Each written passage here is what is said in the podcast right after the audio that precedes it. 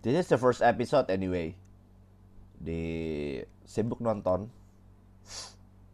Film yang gue bahas hari ini adalah Hustle ya. Siapa sih yang di sini belum nonton Hustle? Kayaknya harus udah nonton kayaknya ya.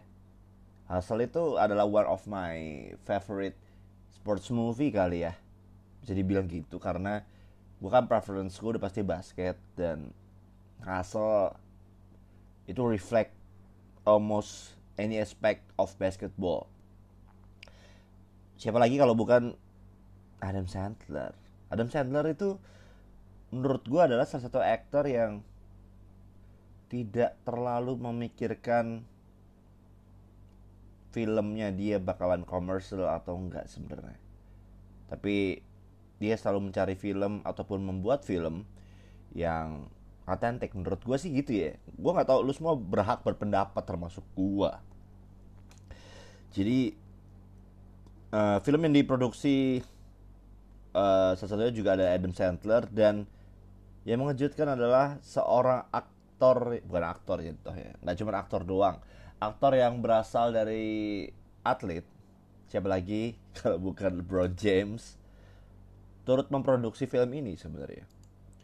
Pertama kali gue nonton ini tuh somehow itu kayak film yang pengen banget ditonton banyak orang yang relate sama basketball khususnya NBA khususnya orang-orang yang tidak berada di Amerika Serikat atau United States. Kalau lu udah nonton ini gue akan selalu infokan this is of course spoiler alert. Jadi ceritanya adalah kurang lebih seseorang yang berasal dari Spain ya kalau nggak salah ya uh, raw talent yang diketemukan sama Adam Sandler gimana caranya? Cuma bermodal keyakinan yang dimiliki dan uh, pengalaman yang dimiliki Adam Sandler di sini sebagai scout alias dia namanya itu Stanley Sugarman buat yang nggak ngerti. Jadi dia tuh kayak ketika ngelihat si uh, Bo Cruz jadi aktornya Bo Cruz ya aktor utamanya namanya Bo Cruz yaitu diperankan oleh Juan Ko gue nggak ngerti ngomongnya Juan Cho atau Juan Ko Juan Ko Juan Cho Juan Cho Hernan Gomez di mana dia juga adalah the real NBA player. Jadi kayak bisa dibilang hmm, outsider Amerika kali ya. Mimpi untuk bisa tembus di draft NBA dan di mana mungkin reflect banget sama Giannis Antetokounmpo yang mungkin akhir-akhir ini bisa dibilang highlight campaignnya NBA tentang nggak cuma Amerika doang lebih tepatnya African American doang yang bisa menang MVP juara champion NBA champion maksud gua.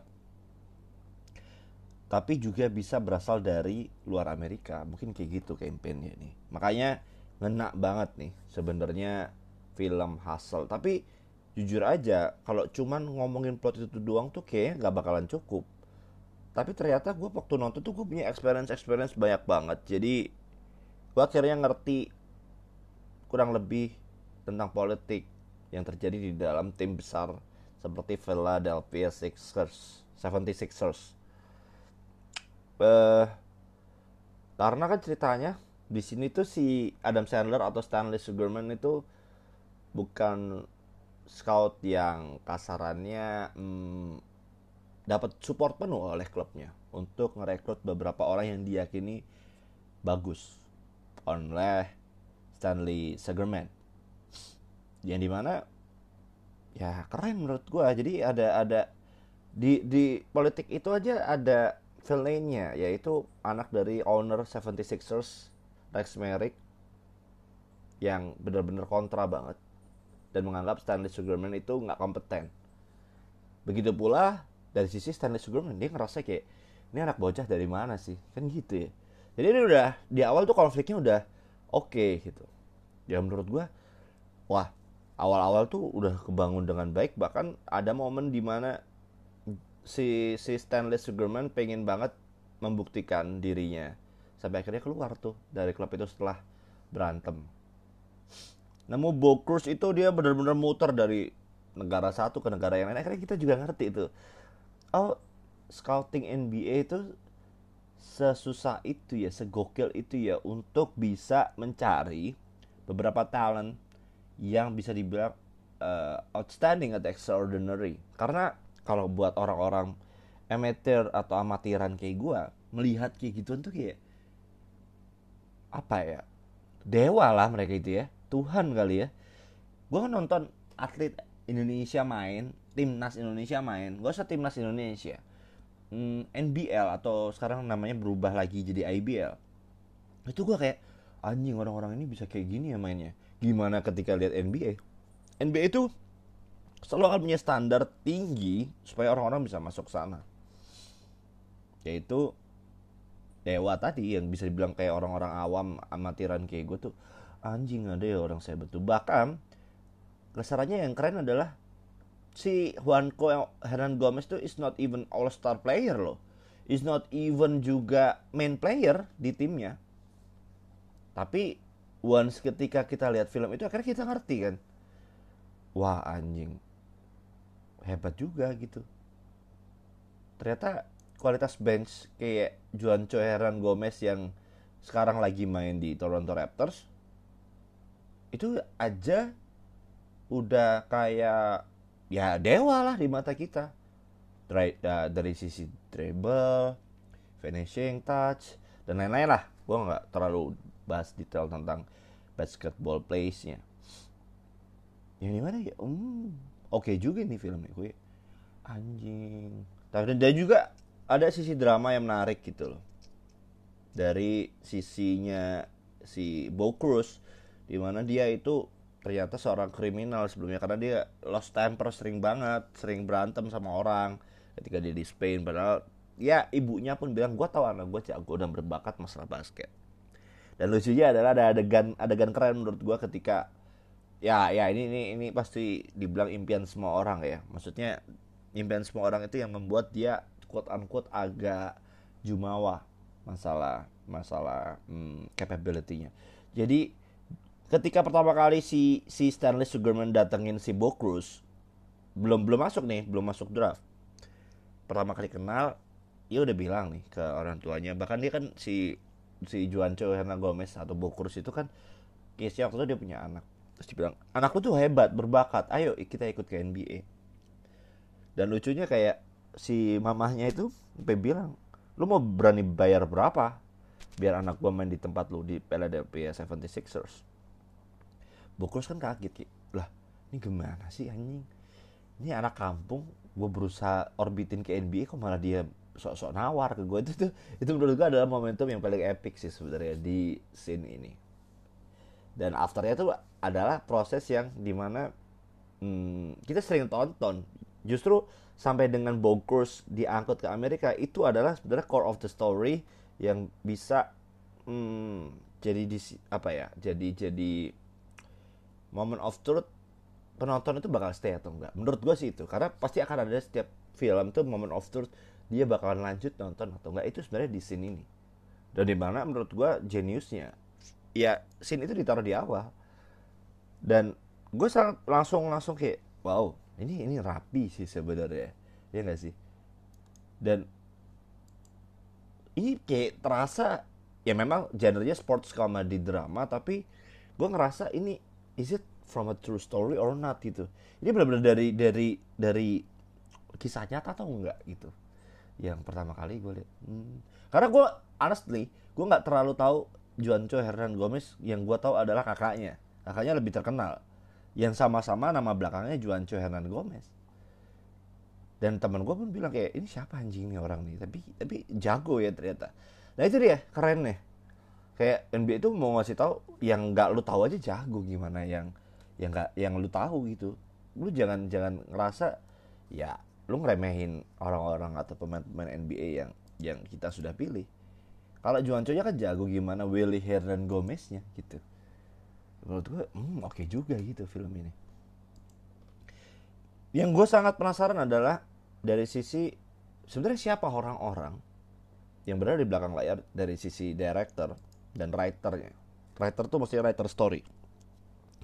Karena tanpa dua sosok ini menurut gue kayaknya nggak bakal film ini se menarik itu. Maksudnya se apa ya kita bisa ngerasain banget bahkan kita bak, uh, ngira film ini tuh dari true story atau enggak kan? Terus gue lihat ya direktornya itu namanya Jeremy Zager ketika gue cari tahu who is Jeremy Zager adalah orang yang suka banget alias udah pengalaman banget bikin film tentang documentary short alias film dokumenter. That's why itu shootnya bener-bener kayak wah ini dokumenter banget nih. Sehingga kita jadi believe itu itu itu real atau enggak. Dan ada dua lagi faktor yaitu writernya. Karena karena ya ya director tuh punya vision ya kasarnya gitu. Tanpa writer vision itu bakalan jadi kayak menguap gitu. Dan gue lihat lagi yang lebih gue kagetnya lagi adalah dari writernya ada Will Fetters dan Taylor Mattern. Itu gue langsung kayak anjir ada orang kayak gini ya. Bener-bener gue gue tuh kan bukan yang tahu-tahu banget ya masalah siapa nulis siapa gitu. Gue gue akan selalu cari tahu sih. Jadi ada sisi drama yang menurut gue bisa dengan sangat amat mulus dimasukkan di situ padahal ini adalah hmm, genre-nya tadi gue bilang sport komedi drama ada tiga faktor sport komedi and drama sportnya ini masih questionable. Drama, nah ini udah kejawab. Will Fetters. Yang ternyata dia adalah writer dari film, dua film favorit gue juga. Yaitu Star is Born, yang lagunya juga rame. Siapa lagi kalau bukan Lady Gaga sama Bradley Cooper. Yang kedua adalah Remember Me, dari the one and only Robert Pattinson. Kalau lu masih ingat ceritanya adalah tentang anak yang menyesal sudah ngelawan bapaknya ketika endingnya bapak dia tahu bapaknya adalah korban dari 9/11 intinya gitulah. Dan gue kayak wow amazed gue lihat kayak kok bisa ya dia bawa hmm, si Will Fetters untuk create storynya si Hustle itu keren banget. Nah ini udah kejawab nih. Sport comedy drama. Drama udah kejawab. Komedi siapa lagi? Kalau bukan pasti akan ada bantuan sedikit banyak dari Adam Sandler. Nggak mungkin nggak. Meskipun dia tidak nulis dirinya sebagai writer ya. Dia cuma nulis sebagai produser dan actor tapi gue yakin ada ada campur tangan dari si uh, Adam Sandler untuk nulis apa ya skenario lucunya di situ. Mungkin komedinya juga udah bakalan kejawab tuh. Sedangkan sports ini yang susah nih. Gimana caranya lu bisa menulis sports? Dari karir awal hingga dia jadi bintang ya. Ini kayak mirip-mirip ini gak sih? Kalau lu tahu dan pernah main NBA 2K. Itu kayak NBA My Player. Dari dia yang no one sampai akhirnya dia jadi someone. Dan gue googling lah nama Taylor Materna yang sebagai writernya ternyata dia nulis NBA 2K guys bener-bener game 2K yang paling gua memorable yaitu NBA 2K20 dan NBA 2K19 itu benar-benar adalah dua NBA 2K yang benar-benar relate sama gue jadi ketika gue nonton itu anjing ini di mana ya gue nonton? Kayak gitu. Dan akhirnya kejawab sudah semua kenapa kok itu bisa seproporsional itu ya film? Dari dramanya nggak over tapi cukup. Bahkan porsinya itu nggak banyak. Yaitu si Bokrus tuh dramanya cuman sama anak ya. Yaitu sedih-sedihnya cuman ya pasti ada villain ya kalau di movie. Yaitu si as scout nah, Stanley Sugarman sama si Bokrus ngelawan Kermit alias Kermit itu diperankan juga sama uh, Anthony Edwards rookie juga. Tapi itu semua kan kayak jadinya nggak real gitu. Ada lagi satu faktor yang menurut gue bisa jadi jadi jadi supporting item yang menurut gue bikin ini makin real yaitu isi dari film ini bertabur bintang-bintang NBA you name it semua yang mungkin bisa dibilang orang tahu dari lini ke lini ada Trey Young, Jordan Clarkson, Chris Middleton, Aaron Gordon, Lowry, Seth Curry, Luka Doncic, Tobias Harris, Tyrese Maxey, Matisse Thybulle, Aaron McKee, Julius Irving, the one and only, dan masih banyak lainnya termasuk Shaquille O'Neal. Dan itu adalah beberapa line up pemain yang nampil di sana yang bisa dibilang itu juga nge-grab semua segmen loh. Termasuk ada street juga, yaitu The Professor itself, Gray Boucher, Larry Williams, aka The Bone Collector juga ada di sana. Terus main event juga ada Wally Dixon.